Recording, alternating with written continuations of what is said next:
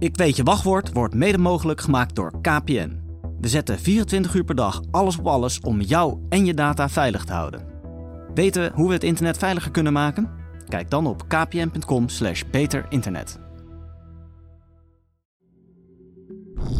De stroom. Stel dat er opeens naaktfoto's van jou rondgaan op internet. Je bent er expliciet in te zien, compleet naakt, van top tot teen. Ze worden gedeeld op WhatsApp en komen via via zelfs terecht bij je baas en je familie. Maar het ding is, jij hebt die foto's helemaal niet gemaakt. En toch zou je zweren dat jij het bent. Dit soort foto's zijn gemaakt met kunstmatige intelligentie. Iets waar je een paar jaar geleden nog helemaal geen rekening mee hoefde te houden. Maar het zal in de toekomst alleen maar vaker voorkomen. Ik ben Daniel Verlaan en als techjournalist onderzoek ik het internet. In deze podcast hoor je waargebeurde verhalen die zich online en vaak recht onder je neus afspelen, maar toch onzichtbaar zijn. Je luistert naar Ik weet je wachtwoord. Dit is seizoen 3, aflevering 3. De donkere kant van AI. Prominente techbazen in Amerika die waarschuwen voor het gevaar van kunstmatige intelligentie. In je WhatsApp komt het, in je e-mail. Dus het leert ook om zo te spreken zoals jij zelf doet. Wie hou je verantwoordelijk voor de fouten van een computer? Wat als je AI combineert met wapens, wat als je AI combineert met hacken, of wat als je AI combineert met criminelen. Je kan ook een heel duistere wereld tekenen. Almendralejo is een slaperig stadje in het zuidwesten van Spanje. Er wonen nog geen 35.000 mensen. Iedereen daar kent elkaar wel via via. Er staan een paar kleine theaters in de stad en er is een arena voor stierenvechten. Maar verder is er eigenlijk geen reet te doen. Het is vooral een stadje waar mensen hard langs rijden als vanuit het noorden van Spanje onderweg zijn naar Sevilla. Maar afgelopen herfst wordt Almendralejo in één klap bekend. Het stadje wordt opgeschrikt door een schandaal dat de hele wereld overgaat. AI-generated naked images of children have been circulating in this Spanish town. Varios menores están siendo investigados en Almendralejo, en Badajoz, por utilizar la inteligencia artificial. Op de basisschool en middelbare school van de stad gaan naaktfoto's rond van zeker 20 meisjes. En ze zijn tussen de 11 en 17 jaar oud. Maar wat blijkt al snel? De foto's zijn met kunstmatige intelligentie gemaakt. AI. Ze zijn gebaseerd op foto's die de meisjes op hun sociale media hebben staan, waarop ze gewoon kleren aan hebben. Vervolgens zijn de beelden bewerkt alsof de meisjes naakt zijn. De politie opent een onderzoek en houdt al snel een groepje jongens aan tussen de 12 en 14 jaar. Een van de meisjes blijkt zelfs afgeperst te zijn met de neppe naaktfoto's. Ik zoek contact met Miriam Al-Adib. Zij is de moeder van een van de meisjes die hier slachtoffer van werd.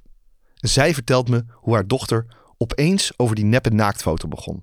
Ik kwam terug van een reis. Toen ik thuis kwam, riep ze me naar haar kamer en vertelde me, heel bezorgd, alles wat er was gebeurd. En laat me de foto zien waarop ze naakt is. Ze vertelde me dat de foto werd gedeeld door veel kinderen. Toen ik het beeld van mijn dochter zag, zag het er helemaal echt uit. Ze vertelde me ook dat het met veel andere meisjes gebeurde. Dat er verschillende groeps WhatsApps waren waar deze beelden via een chat werden gedeeld. Miriam weet in eerste instantie niet wat ze ziet. De foto ziet er levensecht uit, maar haar dochter kan de echte foto gewoon laten zien waarop de nepfoto gebaseerd is. Op de echte foto heeft ze gewoon kleren aan. Toch wordt die naaktfoto heel veel gedeeld op haar school. Miriam heeft het er moeilijk mee als moeder. Ik voelde een enorme schok, maar voor mijn dochter bleef ik kalm. En mijn dochter heeft, eh, als ze dat beeld ziet, heeft ze het natuurlijk heel moeilijk. En ik vertelde haar, maak je geen zorgen lieverd. Dit is een zeer ernstige misdaad. En je hoeft je niet te schamen of je schuldig te voelen. Want het is niet jouw schuld wat er met je gebeurd is. Sentí un shock tremendo. Misschien had je het al wel door, maar Miriam spreekt helemaal geen Nederlands. Je hoorde wel echt haar stem, maar ik heb haar stem voor deze podcast met AI vertaald van het Spaans naar het Nederlands. Met een app, zodat we haar verhaal in het Nederlands kunnen vertellen. In die zin is kunstmatige intelligentie dus ook gewoon superhandig. De term AI bestaat eigenlijk al bijna 70 jaar. Maar het is pas sinds een paar jaar dat jij en ik er dagelijks gebruik van kunnen maken. ChatGPT van het bedrijf OpenAI heeft enorm bijgedragen aan de populariteit van AI. Inmiddels hebben al meer dan anderhalf miljoen mensen de dienst gebruikt. Je kan er hele teksten mee vertalen, hij maakt complete werkstukken voor je en hij kan heel gedetailleerd antwoord geven op eigenlijk al je vragen. In deze aflevering onderzoek ik zowel de voor- als nadelen van AI. Maar laten we eerst even spelen met de techniek. Je kan je eigen stem bijvoorbeeld klonen. En dat is bijna niet van echt te onderscheiden. dat was ik dus niet. dat was AI. Best wel bizar, toch? Zo kan ik deze podcast dankzij AI ook zo in het Japans doen. Konnichiwa, watashi wa anata no password o shitteiru. PSB wa sekai saikou no club desu no Daniel desu. En ken je de Turkse Daniel Vlaan al? Die klinkt zo. Japon bıçaklarını ve nadir tuzlukları seviyorum ve köstebek kim yarışmasının galibiyim. Hollywood maakt ook steeds vaker gebruik van kunstmatige intelligentie. Zo speelde actrice Sigourney Weaver een meisje van 14 in de film The Way of Water van Avatar, maar ze is 73. To see her playing a 14-year-old kid it was magic. It's what acting is all about. Avatar's only go round. En de iconische acteur Harrison Ford is inmiddels in de 80, maar hij ziet er in de vijfde Indiana Jones film uit alsof hij in de bloei van zijn leven zit. This way, come on! I recognize that my voice has changed as, as I've aged, and I can force it into a higher register and I can add a little extra energy to it. Acteurs zijn dus in zekere zin onsterfelijk geworden. Hun lichaam en stem kunnen straks voor altijd gebruikt worden in films. Dat geldt ook voor muzikanten. Zo staat YouTube al vol met AI-muziek van artiesten zoals Drake en Kanye. Die nummers krijgen vaak miljoenen plays, terwijl ze helemaal niet door de artiesten zelf zijn gemaakt.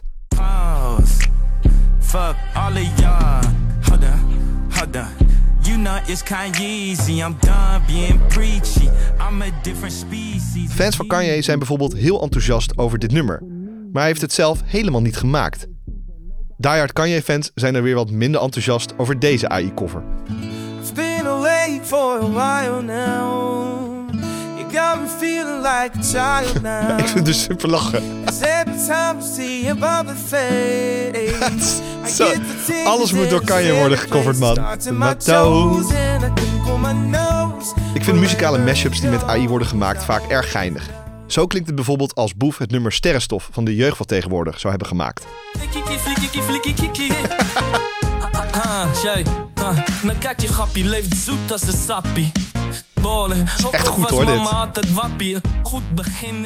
De muziek voor deze podcast zou ik ook helemaal met kunstmatige intelligentie kunnen maken.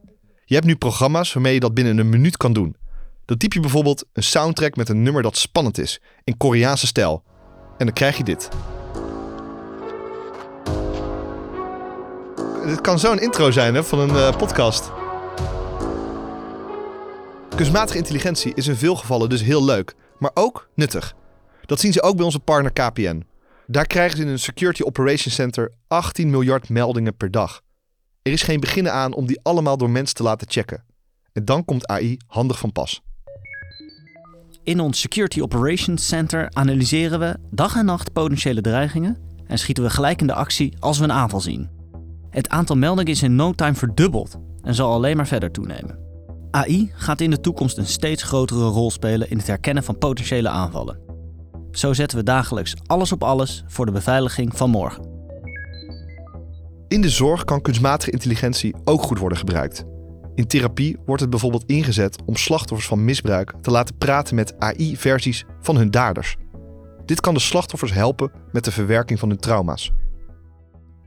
Ik heb je wat meer verteld over hoe AI op een nuttige manier kan worden ingezet. En we hebben ook even gelachen. In goede handen is er dus echt niks mis met deze technologie. Maar het kunnen vervormen en aanpassen van video's, foto's en stemmen is gevaarlijk als je kwade bedoelingen hebt. Sinds een jaar barst het online bijvoorbeeld van de nepadvertenties, waarbij criminelen gebruik maken van kunstmatige intelligentie. De eerste video die opblaast is een video waarin het lijkt en klinkt alsof de bekendste podcasthost ter wereld, Joe Rogan, een voedingssupplement aanprijst. There's a category of supplements that are very interesting, work very well to increase testosterone by about 100 to 200 points. If you go to Amazon and you type in libido booster for men, you're going to find it right at the top.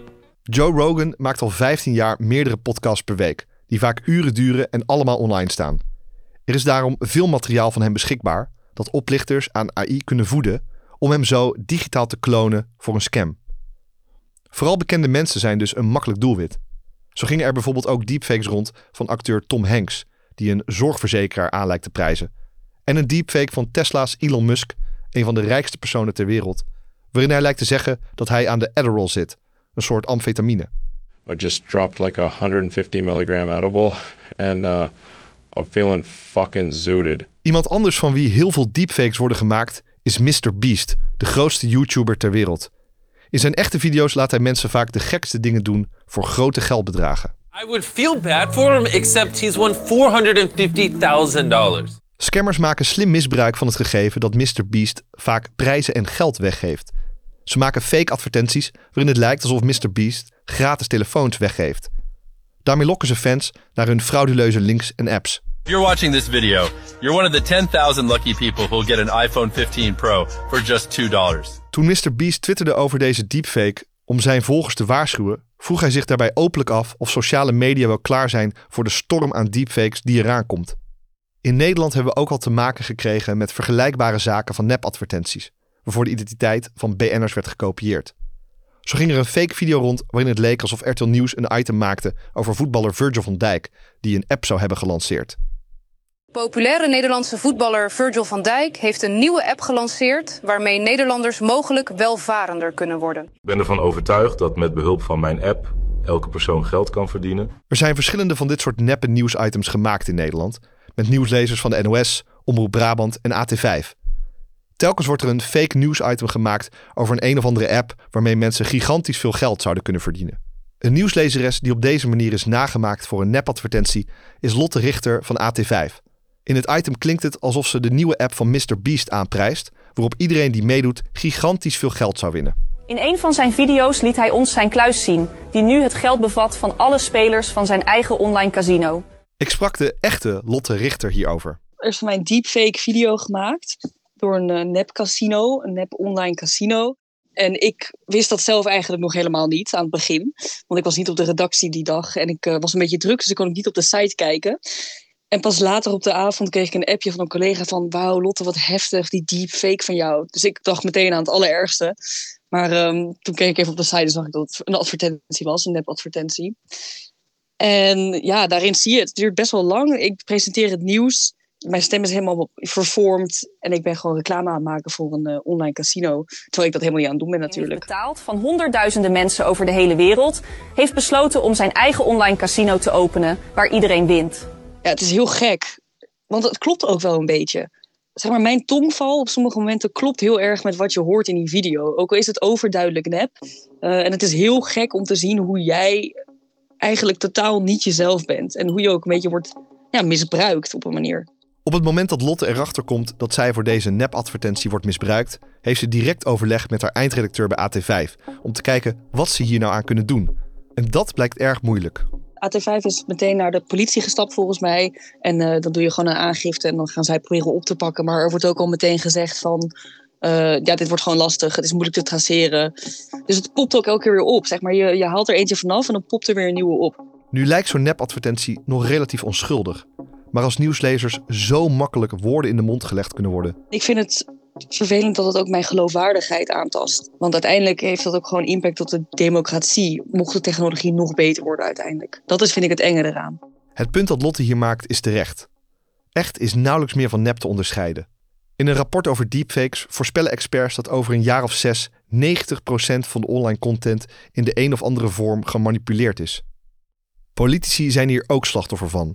Online stikt het al van de deepfakes van de Amerikaanse president Joe Biden, waarin hij bijvoorbeeld extreem verward wordt neergezet. Have I ever told you the story of the magical pistachio? I got lost in the grocery store and couldn't find my way out. But that's when I saw it, a glowing pistachio. It spoke to me and said, Follow me and I'll lead you to safety. Dit is misschien wel lachen, maar stel je voor wat de impact kan zijn als Biden zogenaamd de oorlog verklaart aan een ander land.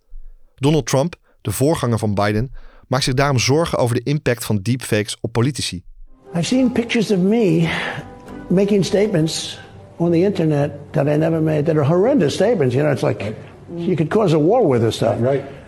It's me talking and saying things that I never said. It's amazing. And it's perfect. Even terug naar het voorbeeld van de Spaanse AI-naaktfoto's aan het begin.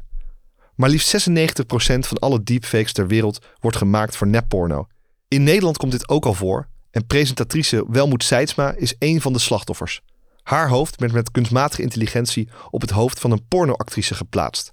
Daardoor lijkt het alsof ze in een pornovideo zit. Welmoed maakte voor de omroep WNL een documentaire over deze deepfake pornovideo. In deze docu laat ze ook haar zussen en vrienden naar de video kijken. Die kunnen niet geloven wat ze zien. Make me fucking take it, make me take it, make me take it, please. Ik heb gewoon zoiets van, van stop. Nee, Ja. nee.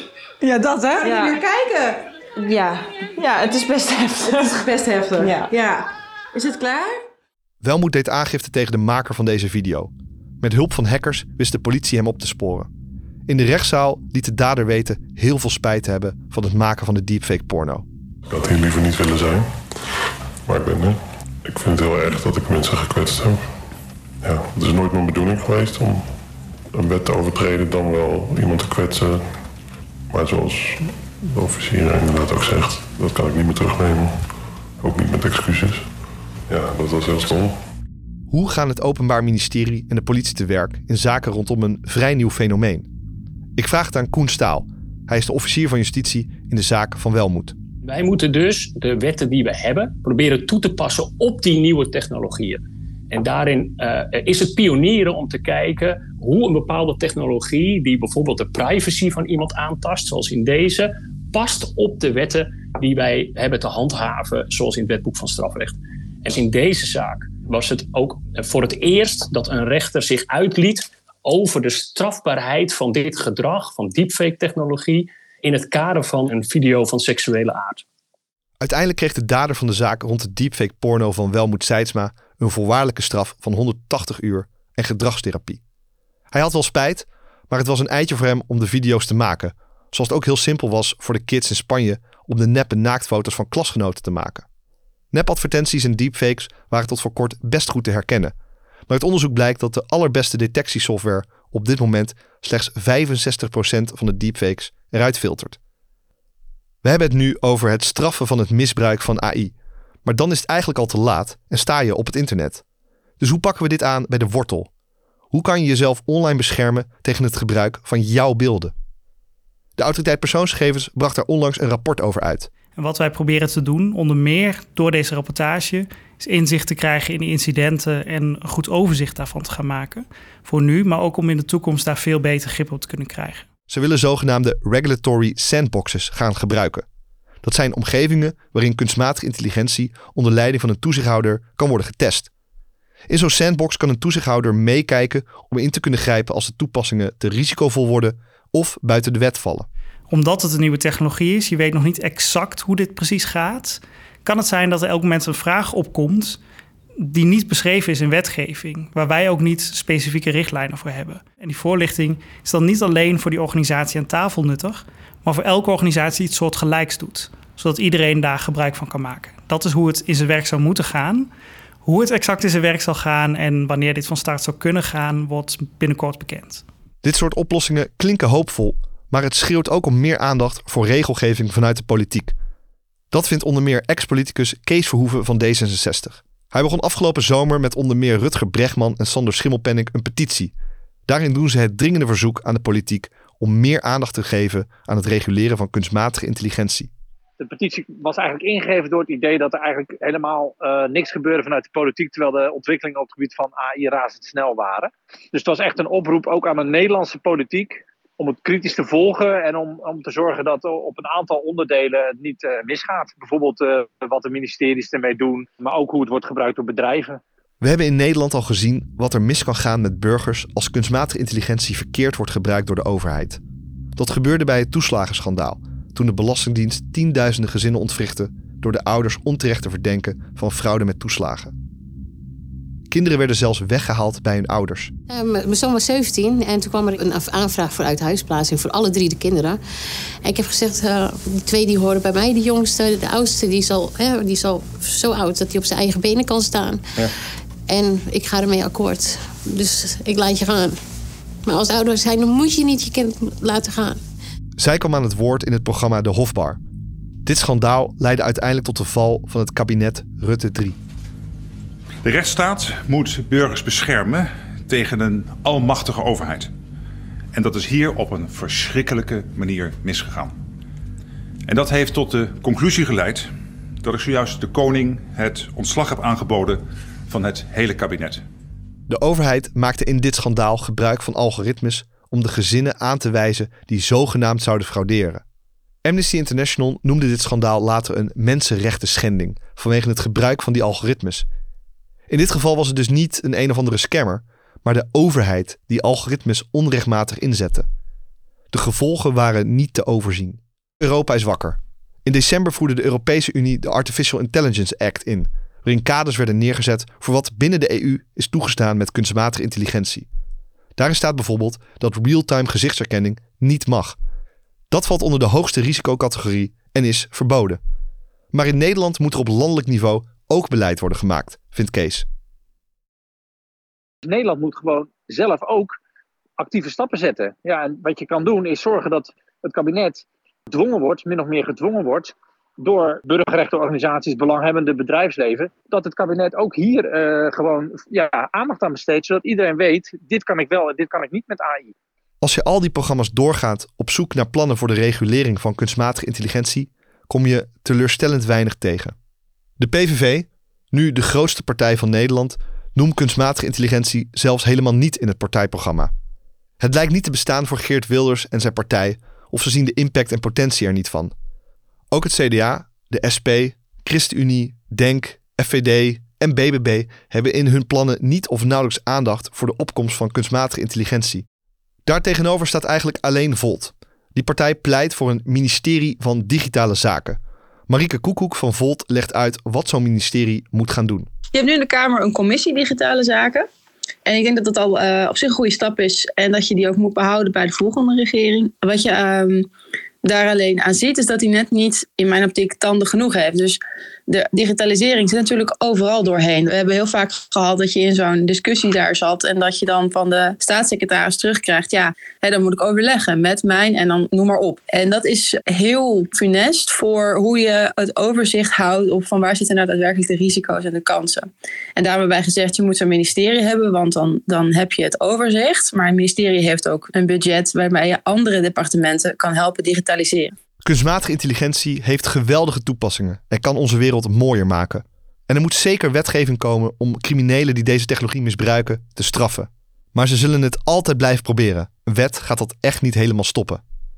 Ik durf echt niet te voorspellen waar deze technologie naartoe gaat. En daarom is het echt goed om alert te blijven en goed uit te kijken met wat je nou allemaal vertrouwt op het internet. Want voordat je het weet, heeft een neppe Virgil van Dijk je geluld in het gokken in een een of andere schimmige app. En als je hem opeens op TikTok hoort zingen. Let that light going shell on Dell. Got that Bob Barker suit game in Plinto with my style. Money. Dan weet je dus, dat ben ik niet. Zin in meer verhalen over cybercrime? Luister dan ook naar de andere afleveringen van deze podcast. En heb je een tip of een verhaal? Mail me op ik weet je wachtwoord de-stroom.nl. Tot de volgende. Ik weet je wachtwoord wordt mede mogelijk gemaakt door KPN. We zetten 24 uur per dag alles op alles om jou en je data veilig te houden. Weten hoe we het internet veiliger kunnen maken? Kijk dan op kpn.com/beterinternet.